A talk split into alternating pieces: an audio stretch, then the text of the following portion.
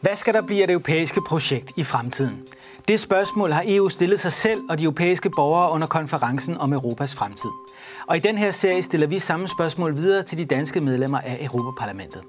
Men vi spørger ikke kun her i studiet, vi har også været ude at spørge danskerne. Deres spørgsmål stiller vi videre til parlamentsmedlemmerne. Hvis du har et spørgsmål, så kan du sende det til os via sms, e-mail eller via hjemmesiden. Alle spørgsmål bliver sendt videre ned til EU og konferencen. I dag skal vi tale om spørgsmålet om økonomi, social retfærdighed og beskæftigelse i Europa. Mit navn er Christian Folager. Velkommen til.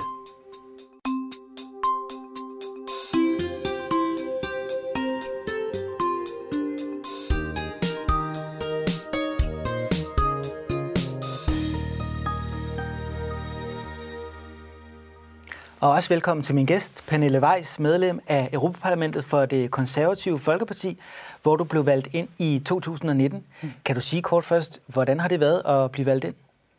Det har været øh, den bedste blind date, øh, tror jeg, i nyere dansk øh, politisk historie, fordi jeg var jo totalt ukendt og anede i virkeligheden ikke rigtig, hvad jeg sagde ja til, da partiet ikke havde andre spidskandidater. Men jeg er simpelthen øh, så glad øh, for mit virke. Jeg synes, det er meget relevant. Øh, jeg fornemmer, at øh, det, jeg kan i politik, det kan jeg især få lov til at folde ud i øh, Europaparlamentet. Og jeg har mødt nogle fantastiske kollegaer, selvfølgelig i min egen gruppe, EPP-gruppen, som jo er større end øh, det danske folketing til sammen. Øh, men også alle de forskellige andre kollegaer fra de andre partigrupper og fra lande, jeg ellers aldrig nogensinde ville have været kommet i så meget kontakt med. Så jeg er faktisk meget tilfreds med, øh, med den her blind date fra 2019. Ja, og du sidder i den store konservative gruppe i parlamentet, ja. der hedder EPP, ja. som har stor indflydelse på udviklingen i Europa. Så vi er rigtig glade for, at du er kommet her i dag og vil tage imod spørgsmål fra seerne, og også fra mig herinde i, i studiet. Det er jo et bredt emne. Det handler både om det sociale, om beskæftigelse og også om økonomisk vækst og skabe arbejdspladser. Hvorfor er det, man laver de her store, brede emner under den her konference? Kan, er man for dårlig til at prioritere i, EU? Det, det er et godt spørgsmål, om man er det. Øhm, men man kan sige, at EU er jo blevet opfundet, eller står på, på, på den, øh, det fundament, at øh, det er et økonomisk samarbejde først og fremmest. Altså efter 2. verdenskrig fandt vi ud af, at det var en rigtig god idé at passe på freden, øh, hvis vi øh, fokuserede på at øh, udvikle det indre marked, som sådan for alvor kommer op og køre øh, tilbage i, øh, i starten af 90'erne. Øh, og, og det, der binder os sammen, det er en stærk øh, økonomi, og at vi understøtter alle mulige forskellige brancher ved at samarbejde med hinanden på kryds og tværs, men også at det er nemt at komme af med sine varer. Øh, dem, der er produceret i Danmark, kan også sælges øh, i Sydeuropa og den anden vej rundt. Og det har gjort, at EU i dag er en, en økonomisk muskel, som gør, at vi er stærke til at klare de udfordringer, vi bliver udsat øh, for. Blandt andet pandemien øh, er jo et rigtig godt aktuelt eksempel på det. Men også, at vi er et attraktivt sted at, øh, at lave virksomheder og arbejdspladser i. Øh, og det gør jo naturligvis, at vi også har større indflydelse på resten af, af kloden, fordi vi dels er en økonomisk muskel med en stærk købekraft, men også i kraft af det har nogle attraktive forsknings- og udviklingsmiljøer, som simpelthen gør, at det er os, der kan sætte hvad skal man sige, trenden på en rigtig masse dagsordner, der også ligger uden for, for EU og uden for Europa, hvilket er enormt afgørende for det, vi står med, nemlig de demokratiske værdier i, øh, i Europa. Altså demokratiet er jo, er jo født øh, i Europa for mange, mange øh, tusind år siden, øh, og det skal jo leves i virkeligheden og i hverdagen. Øh, og i lige i øjeblikket, der er vi jo i en situation, hvor der bliver færre og færre demokratier, men også hvor man gradbøjer værdierne og i virkeligheden træder mange forskellige rettigheder under fod andre steder uden for Europa, og det udfordrer øh, vores tryghed og sikkerhed i hverdagen. Så også derfor er det at have godt fokus på, hvad er det, der gør, øh, giver respekt ud i verden, og det er altså en økonomisk øh, og teknologisk slagkraft først og fremmest, man kan bruge til det. Øh, og så kan man føre værdipolitikken ind igennem ens handels- og industripolitik. Mm. Og det er jo noget af det, EU har været kendt for, det er den stærke økonomi og vores sociale model. Ja. Netop den sociale model er noget af det, man arbejder rigtig meget på i EU øh, i de her år. Mm. Man kalder det det sociale Europa. Ja. Under det initiativ er der jo en masse, masse rettigheder, 20 øh, forskellige rettigheder ja. til europæerne. Det handler både om løn- og arbejdsvilkår, mm. det handler om noget som barselsvilkår, bedre forhold til mm. familierne, mm. øh, bedre forhold for mm. pensionister, boligmarkeder, alle mulige ting, mm. hvor man så vil lave en harmonisering. Øh, ja. De to mest kendte ja. forslag, det er jo det her med barselsregler ja. og minimumslønninger. Er det en god idé, at EU skal blande sig i det? Det synes jeg faktisk ikke, øh, at det er øh, i den måde, man øh, nu prøver at, at for alvor blande sig i det ved at lave one size fits all, som jo er et andet ord for harmonisering. Dengang den sociale søjle blev opfundet for år tilbage i et møde i Stockholm, så var det nogle råds henstillinger, altså nogle anbefalinger til, hvad landene skulle gøre noget mere ud af på deres måde i deres land, sådan som det virker bedst i deres land. Der er så kommet en glidning i retning af, at det er mere og mere af EU-institutionerne, altså øh, kommissionen, men også Europaparlamentet, der tager nogle konkrete initiativer. Og det skaber, synes jeg, en, en, en uheldig ansvarsglidning fra det, der i virkeligheden allerbedst øh, kan og skal løses i det enkelte land, for at få det til at hænge sammen på en meningsfuld måde. Fordi der er jo ikke nogen socialsystemer og sundhedssystemer og arbejdsmarkedssystemer, der er ens over grænser vi har nogle lighedspunkter, men vi har i høj grad også nogle forskelle. Og det er netop i kraft af, af forskellene imellem vores øh, lande i EU, at vi også skaber den her sunde øh, øh, konkurrence, kan man sige. Altså den gode konkurrence, hvor man kan lade sig inspirere af hinanden hele tiden på, hvordan får vi dels vores stat, vores kommuner, vores sociale fællesskaber til at fungere bedre, men også hvordan er det, man skaber nogle gode vilkår for virksomhederne, sådan så de på det sted, hvor de nu bor, kan udvikle sig der synes jeg, at hvad skal man sige, nærhedsprincippet er glædet for meget i baggrunden, og nærhedsprincippet, som jo også lidt sexet hedder subsidiaritetsprincippet, handler jo om, hvordan kan man, eller hvor kan man flytte beslutningerne så tæt på, på borgerne og virksomhederne og familierne.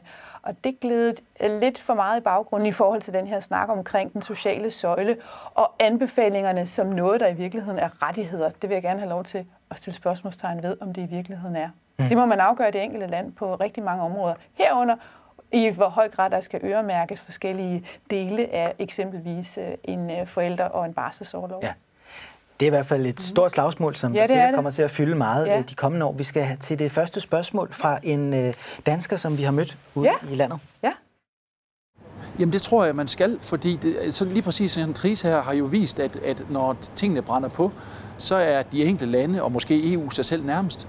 Og så er det vældig fint, at vi kan få villige produkter ud i verden, men hvis vi ikke kan få dem, når det brænder på, så er det måske værd at betale lidt mere, og så sikre sig, at vi har produktionen i EU i hvert fald. Vi kan nok ikke have det i Danmark, vi er nok for lille til at klare det i Danmark, men i EU i hvert fald.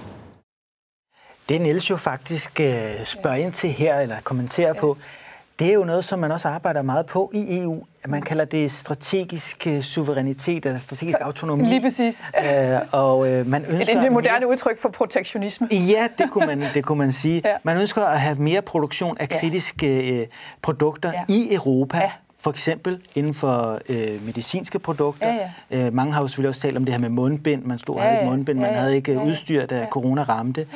Er det den rigtige vej for Europa at gå? At lave øh, mere i Europa øh, og få noget industriproduktion tilbage, sådan så vi i en fremtidig krisesituation ikke står og mangler og er afhængige af for eksempel kineserne?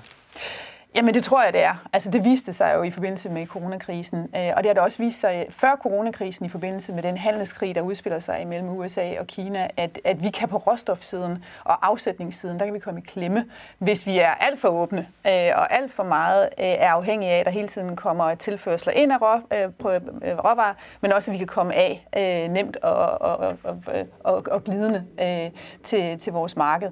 Så, så vi skal finde den der gyldne middelvej i forhold til, at vi kan klare os selv, hvis vi har brug for det øh, for at, at kunne holde hjulene kørende, arbejdspladserne øh, i gang.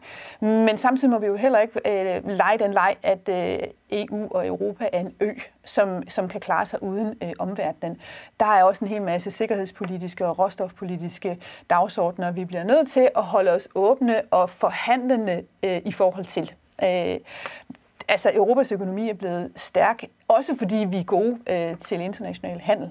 Så hvis vi vender ryggen for meget til, til omverdenen, så, øh, så lukker vi også af for, for det økonomiske kredsløb, som har gjort os øh, rige, men som jo også, som jeg sagde i starten, er vores øh, mulighed for at, at øh, fortælle og også give verden videre øh, de værdier, det, det demokrati, øh, som vi bærer øh, i vores hjerter, øh, og som, øh, som kommer ud igennem de løsninger, som vores virksomheder de, de laver til, øh, til, til ganske almindelige menneskers øh, hverdag. Så vi skal stadig handle med resten af verden. Ja, det skal vi. Vi skal have en mere øh, strategisk tilgang til det, så jeg hørte, at du ja, mere men, ja, men strategisk, det bliver tit sådan noget med, ja, men altså strategi, det er, sådan, det, det, der, det er løfternes øh, holdeplads og, og skåltalernes holdeplads. Ja. Vi skal ned i det taktiske niveau, det er, hvor man laver nogle gode færdselsregler for, hvordan man netop er sammen øh, på tværs af grænser.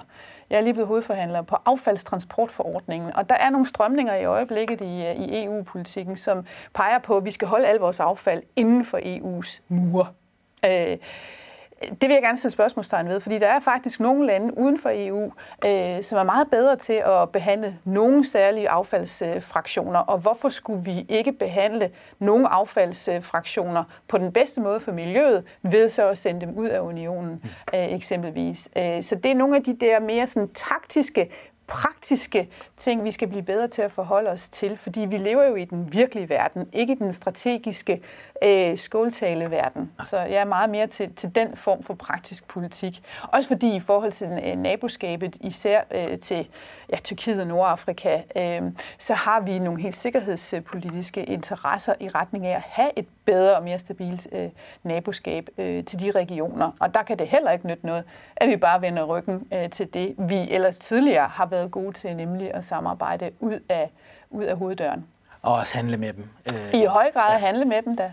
Men øh, noget af det, der hører under det her initiativ, øh, som man satser ja. på i Europa, det er det, man kalder European Champions. Altså, ja, ja. at man ned fra ja. EU's side skal bestemme, at nu satser vi på den her producent til at lave vindmøller til hele Europa, øh, den her til at lave øh, biler, hvis man skulle tegne ja, det op. Ja, De biler nok... er undtaget, ja. men altså, at man inden for forskellige sektorer siger, nu skal den her virksomhed have nogle særlige støtteordninger og hjælpe på, på vej inden for Europa, så vi kan konkurrere globalt.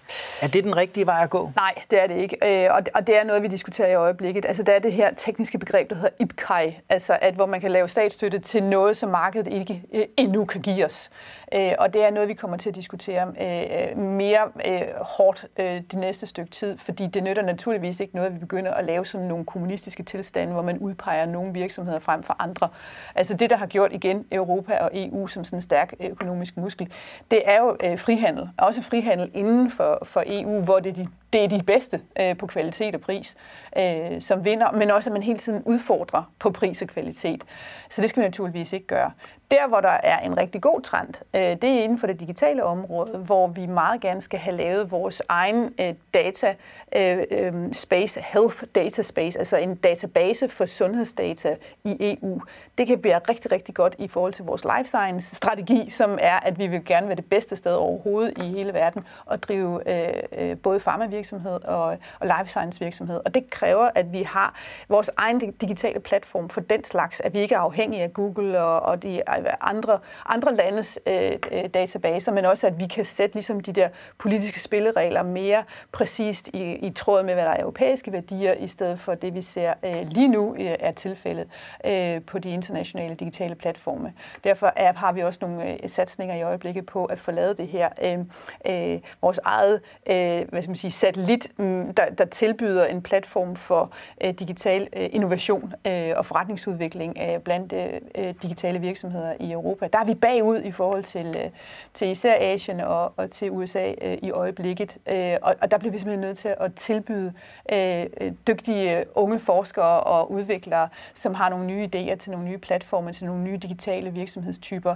De skal jo ikke håndplukkes af amerikanske investorer og glide ud af hænderne på os. De skal jo blive i Europa og blive sådan nogle store europæiske Google-agtige øh, virksomheder. Så det er jeg helt med på. Men det andet, det der med at sådan, sådan, uh, have, have, have favoritter uh, af, af virksomheder, som får monopollignende tilstand, det skal vi aldrig nogensinde have.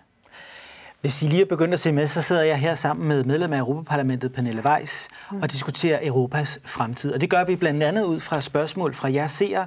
Så hvis du har et spørgsmål, så send det til os via enten sms, e-mail eller hjemmesiden. Og vi skal videre til det næste spørgsmål fra en borger. Vi har fået et spørgsmål på sms. Kan det virkelig være rigtigt, at vi nordeuropæere altid skal betale for sydeuropæerne i EU? Bliver der spurgt. Pernille. Nej, ikke på den lejr. kan det være rigtigt? I, ja, i den forstand, at, at, at EU stadigvæk er under udvikling, og der er kommet nogle øh, lande med, øh, som, øh, som ikke er så velfungerende økonomisk, som vi er i Norden. Så der ligger lidt en, en desværre, kan man så sige, en logik i, at øh, de stærke skuldre, de, øh, de hjælper de, de mindre øh, stærke i en overgang øh, forhåbentlig. Så det er også derfor, vi arbejder med de her økonomiske check-ups øh, hver halve og hele år, hvor, øh, hvor de lande, der, der hænger lidt i bremsen, de bliver kigget korten på, om, om de rent udsagt bruger de fonde på den rigtige måde, men også at de skaber den vækst, som de er forpligtet på. Øh, men dynamikken i, i, i EU er sådan, så at der er nogle lande, der er stærkere end andre, også rent økonomisk. Og derfor er der også nogen, der er netto-bidragsydere, som det hedder. Og Danmark er et af landene. Tyskland er et land, der er en, en meget stor øh, netto øh, øh, bidragsyder. Det meget, ja. ja. Men er det, kan du forstå frustrationen ja, fra borgerne? Altså et land som Italien har jo været ja, med i årtier. Ja. Hvorfor skal vi, også nu her efter coronakrisen, ja. hvor man har lavet en stor ja. genopretningsfond, ja. overføre så mange penge ja. til italienerne, ja. øh, som stadig ikke kan finde ud af at ja. få styr på det? Ja. Ja, men er altså, det rimeligt? Det er i hvert fald det, der er, er vilkåret, øh, og det er jo ikke rimeligt, og derfor arbejder vi også med at få dem til rent sagt økonomisk og politisk øh, at rette ind. Altså de troede jo med, øh, før vi fik vedtaget det nye budget i, tilbage i, øh, i 2020 øh, øh, for alvor, at de ville forlade EU, hvis ikke de fik nogle flere penge over det fælles budget. Og det, man skal på en eller anden måde prøve at holde tungen lige i munden på, det er, at Italien er et kæmpestort økonomisk marked, også selvom deres økonomi øh, hænger øh, i laser. Øh, så det er det der med hele tiden at have en fornemmelse for, at der er, der er støj i nogle lande, rent økonomisk og politisk, og det kan vi også fordi det er i vores egen øh, interesse. Altså det indre marked er alt andet lige værd at arbejde for, også øh, en gang imellem så at bide tænderne sammen, når der er nogle lande, der hænger i bremsen, eller hvor der politisk set er, er, er noget roderi på spil, som gør, at man bilder sine øh, befolkninger ind, at øh, det er i Bruxelles, man holder på pengene, og man skal bare have nogle flere. Altså der er mange myter i europæisk politik, også fordi vi er et demokrati, hvor man kan få lov til at mene, hvad man har lyst til, og det gælder desværre også en gang imellem nogle regeringer, at de får lov til at køre afsted med klatten, øh, og i virkeligheden lukrere på fællesskabet, også langt ud over det rimelige. Så nej, det er ikke rimeligt. Øhm, og det, det kræver bare så også, både i Europaparlamentet, at vi sætter os ind i sagerne, men også at man øh, har fornemmelse for, hvad foregår der over i rådet, altså der, hvor stats- og regeringslederne de sidder og lægger armen med hinanden. Øh, de skal jo også være i ørerne øh, på hinanden, øh, sådan så at vi i højere og højere grad også forstår, at den økonomiske retfærdighed også handler om at spille hinanden stærke. Og en gang imellem er der nogen, der er svage, og de skal så gøre sig umage på at komme op på omgangshøjde med os andre. Og vi skal også have den her mm, konsekvente overbærenhed og tålmodighed, som gør, at, at, at vi ikke stresser dem til, at de ingenting får gjort, fordi så smuldrer det Mm, det økonomiske samarbejde øh, øh, og kan ikke genetableres. Så det er det der med lige at finde den der gode øh, balance imellem øh, jernnævne i fløjlshandsken, øh, så man netop ikke får skabt den her modstand imod EU som forening, fordi den ikke får taget fat om, øh, om de problemer, der er. Det er jo også et spørgsmål, som faktisk har fyldt meget i Danmark, fordi mm. netop øh, det konservative Folkeparti, ja. som du repræsenterer, ja. jo havde en rød linje i forhold til, at EU-landene skulle kunne øh, opkræve skatter sammen. Ja øh, ja. og øh, optage gæld øh, ja. her sammen. Det er jo nu blevet øh, en realitet. Ja, øh, hvad mener områder. I så om det nu? Ja, på nogle få områder, og det var ligesom det, der var krumtappen for overhovedet at kunne lande en aftale omkring et syvårigt budget, og så den her corona-genopretningspakke. Og der valgte det konservative folkeparti at give regeringen et forhandlingsmandat til at hvis man begrænser sig til, til de meget få områder, øh, hvor der kan være tale om det, der hedder EU's egne ressourcer, så kan vi godt være med på det, fordi vi kan ikke nytte noget, vi, vi, vi, vi smadrer det økonomiske øh, samarbejde og EU som institution. Det har, har vi Danmark ingen interesse i overhovedet, hverken demokratisk, øh, fredsmæssigt og slet ikke økonomisk. Så I er skeptiske tilhængere vi, øh, vi er konstruktive øh, tilhængere øh, og pragmatiske i den forstand, at, at hvad, er, hvad skal man sige, hvad er risikoen ved ikke at ville være med til at finde nogle praktiske løsninger. Øh, det, det, hvor vi stadigvæk holder en, øh, fast øh, og, og bliver ved med at gøre det, det er at udvidelse af begrebet egne ressourcer, fordi dem, der skal kunne udskrive skatter, det er øh, landene øh, selv øh, internt. Øh, ligesom vi jo også har den holdning, at vi jo rigtig godt kan lide, hvis, det, hvis, hvis de skatteudskrivende led ligger langt ude hos borgerne, sådan, så det i virkeligheden er den her debat, man kan have med sin kommunalbestyrelse, sin borgmester eller med sin regionsrådsformand, hvor mange penge skal vi rent faktisk bruge på skolerne og plejehjemmene og sygehusene og sådan nogle ting der. Altså der er vi jo igen, det er jo subsidiaritetsprincippet, nærhedsprincippet ja. i harehøjde, ikke? Så ikke for meget EU, mere øh, tæt på lokalt hvis vi lige skulle opsummere. Ja. Vi har et spørgsmål ja. mere fra en uh, seer. Mm. Lad os se, hvad uh, ja. det går ud på. For mig at se, at det er meget vigtigt, at der bliver gjort noget ved uligheden i, i Europa. hvis det skal fortsætte med det europæiske samarbejde. Der er alt for stor ulighed mellem de forskellige lande. Det giver uro på flygtninge og, og migrantproblemer. Og, og noget skal der gøres, men øh, hvad, det ved jeg ikke.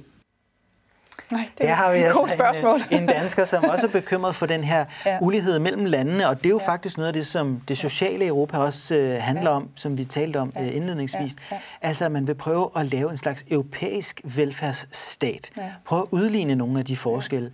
Du var ikke så stor en tilhænger af det, Nej. men er der ikke noget om, at det måske kunne være en god idé, når nu vi har et indre marked, som er mm. kernen i Europas mm. økonomi, mm. vi kan øh, mm. vandre som arbejdstager på tværs af mm. landene, vi kan handle med hinanden. Mm.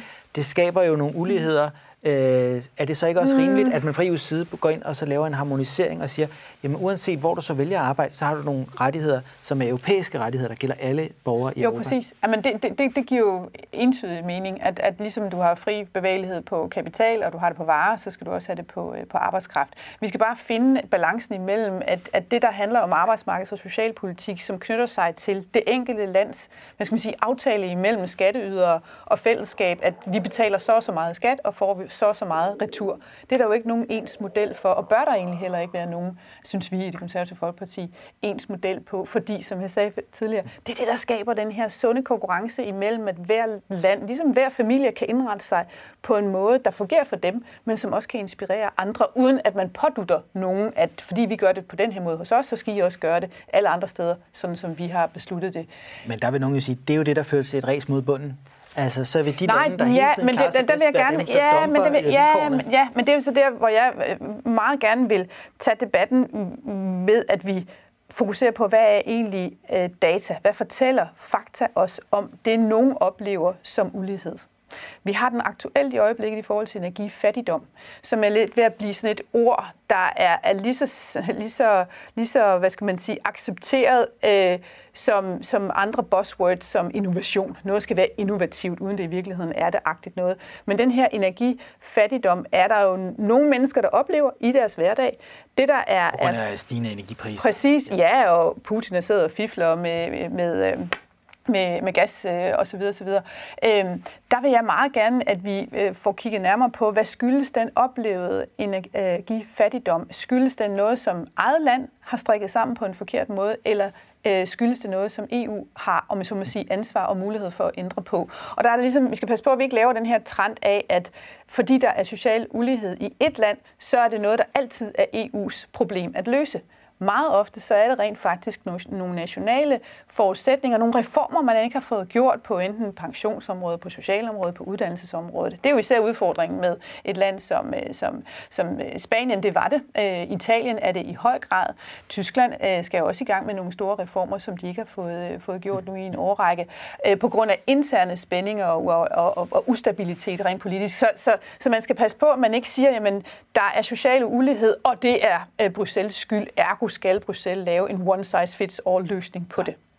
Så ingen, øh, ingen harmonisering fra EU's side i forhold til det sociale, hører jeg. Øh. Jamen, det, det, vi skal jo gerne kunne tage fat i, de, i, i ulighed på, nogle, på, på, på fakta. Okay. Altså, så hvis ulighed ja. er noget, som øh, hvad sige, EU's indre marked øh, er skyld i, øh, og skaber en uheldig øh, øh, indflydelse også på vores økonomi og på arbejdskraft. Så skal, så skal vi så naturligvis okay. forholde os til det. Ja. Men vi skal jo ikke i Bruxelles gå ind og overtage øh, hvad skal man sige, det, det ansvar, som et enkelt land har for at have en, en god socialpolitik, der hænger fornuftigt sammen imellem, hvor meget betaler folk i skat, og hvor meget får de så af fællesskabet. Det er og bliver en suveræn national øh, ansvar, og det er der altså desværre nogle lande, der skal lære at blive bedre til at gøre. Vi har endnu et uh, videoklip med en uh, dansker ude fra det danske land. Lad os se, hvad han har at sige. Ja. Jamen nu ser vi jo i hvert fald, hvor besværligt det bliver at komme til England. Og der kan man jo sige, at uh, fællesskabet i EU gør jo, at med de åbne grænser, der har vi trods alt handelsmæssigt nemt at køre fra A til B. Dem, der skal til England med varer nu, de er jo låst fast af nogle andre regler, som jo selvfølgelig er naturligt, i og med, at man er uden for EU. Men det gør det besværligt, og det gør det ikke nødvendigvis billigere heller for den handel, altså den skal foregå. Vi har jo set en masse virksomheder, øh, som har baser andre steder i Europa, trækker sig ud af England. Og det øh, er et problem for englænderne med arbejdspladser. De mangler i dag 100.000 chauffører til at køre rundt med varer. Det er ikke bare lige at finde. Det handler jo om Brexit og betydningen af at have en fælles europæisk økonomi. Øh, deler du øh, hans analyse her? Vi har brug for Europa og have det fælles øh, marked sammen. Ja, ja. Jamen afgjort, øh, og det er også det, der er så ubegribeligt ved, ved, øh, ved Storbritanniens beslutning om at forlade det indre marked, fordi de problemer, øh, som, som vores bedemand han fortæller om, det, er jo, det er jo Storbritanniens problemer, fordi de netop har forladt unionen, og derfor, om jeg så må sige, har den samme adgang som alle mulige andre udefra ind i, i unionen, så hvad skal man sige, Storbritanniens udfordringer ud, skal jo sådan set bare ud i pap, hvad konsekvenserne er ved at forlade unionen eller ved at ødelægge unionen, og vi så lige pludselig skal til uh, hele tiden at, og forholde os til nogle grænsebomme, både af, af, af økonomisk og praktisk uh, karakter. Ja. Så det er også læren for dig af Brexit, altså betydningen af det europæiske fællesskab. Der er ikke noget alternativ. Vi skal være i Europa. Ja, i høj grad. Vi er jo i Europa, og, og, og det at have en, et indre marked, og hvor vi øh, bryder grænserne øh, ned indadtil, men også åbner os så meget som muligt op udadtil, det er det, der gør, at vi kan passe allerbedst på den, øh, den verden, som vi gerne vil give videre til vores børn og børnebørn, som er præget af, af frihed, af mulighed for at, at leve det liv, man hver især gerne vil, så længe man ikke generer hinanden Øh, at være åben til stede i, øh, i, øh, i verden. Øh, ligesom øh, den der højskole-tradition, som vi jo står på, den danske folkekirkelige øh, til, øh, indstilling til livet og til verden, at, at vi, vi er ikke en ø. Et menneske er ikke en ø. Vi er hele tiden i relation med hinanden. Øhm, og, og, og der kan man sige, at vi skal bare have gjort, eller bare bare, vi skal have gjort EU endnu bedre til at, at vedligeholdelsestræne, men også at tilpasse vores, vores åbenhed øh, og, og vores, øh, vores transparens over for hinanden. Og der så vi desværre med corona, øh, at den fik mange lande til at lukke ned for noget, vi slet ikke behøvede at lukke ned for, altså varetransport eksempelvis. Det blev lige pludselig enormt svært at komme af med sine varer inden for det indre marked, fordi det her med at, at, at, at kunne finde ud af at, at, at at lave nogle praktiske løsninger i en besværlig pandemisk øh, situation, det, det var vi ikke så gode til. Nej. Vi må se, hvad der sker i ja. fremtiden ja. med Europa. Jeg vil sige tusind tak, fordi du kom her, øh, Pernille Weiss, ja, af Europaparlamentet for det konservative Folkeparti. Mm. Og også tak til jer derude, der valgte at følge med. Husk, at I kan stille spørgsmål til os via mail, sms og hjemmesiden. Vi er snart tilbage med et nyt afsnit her om Europas fremtid. Vi ses.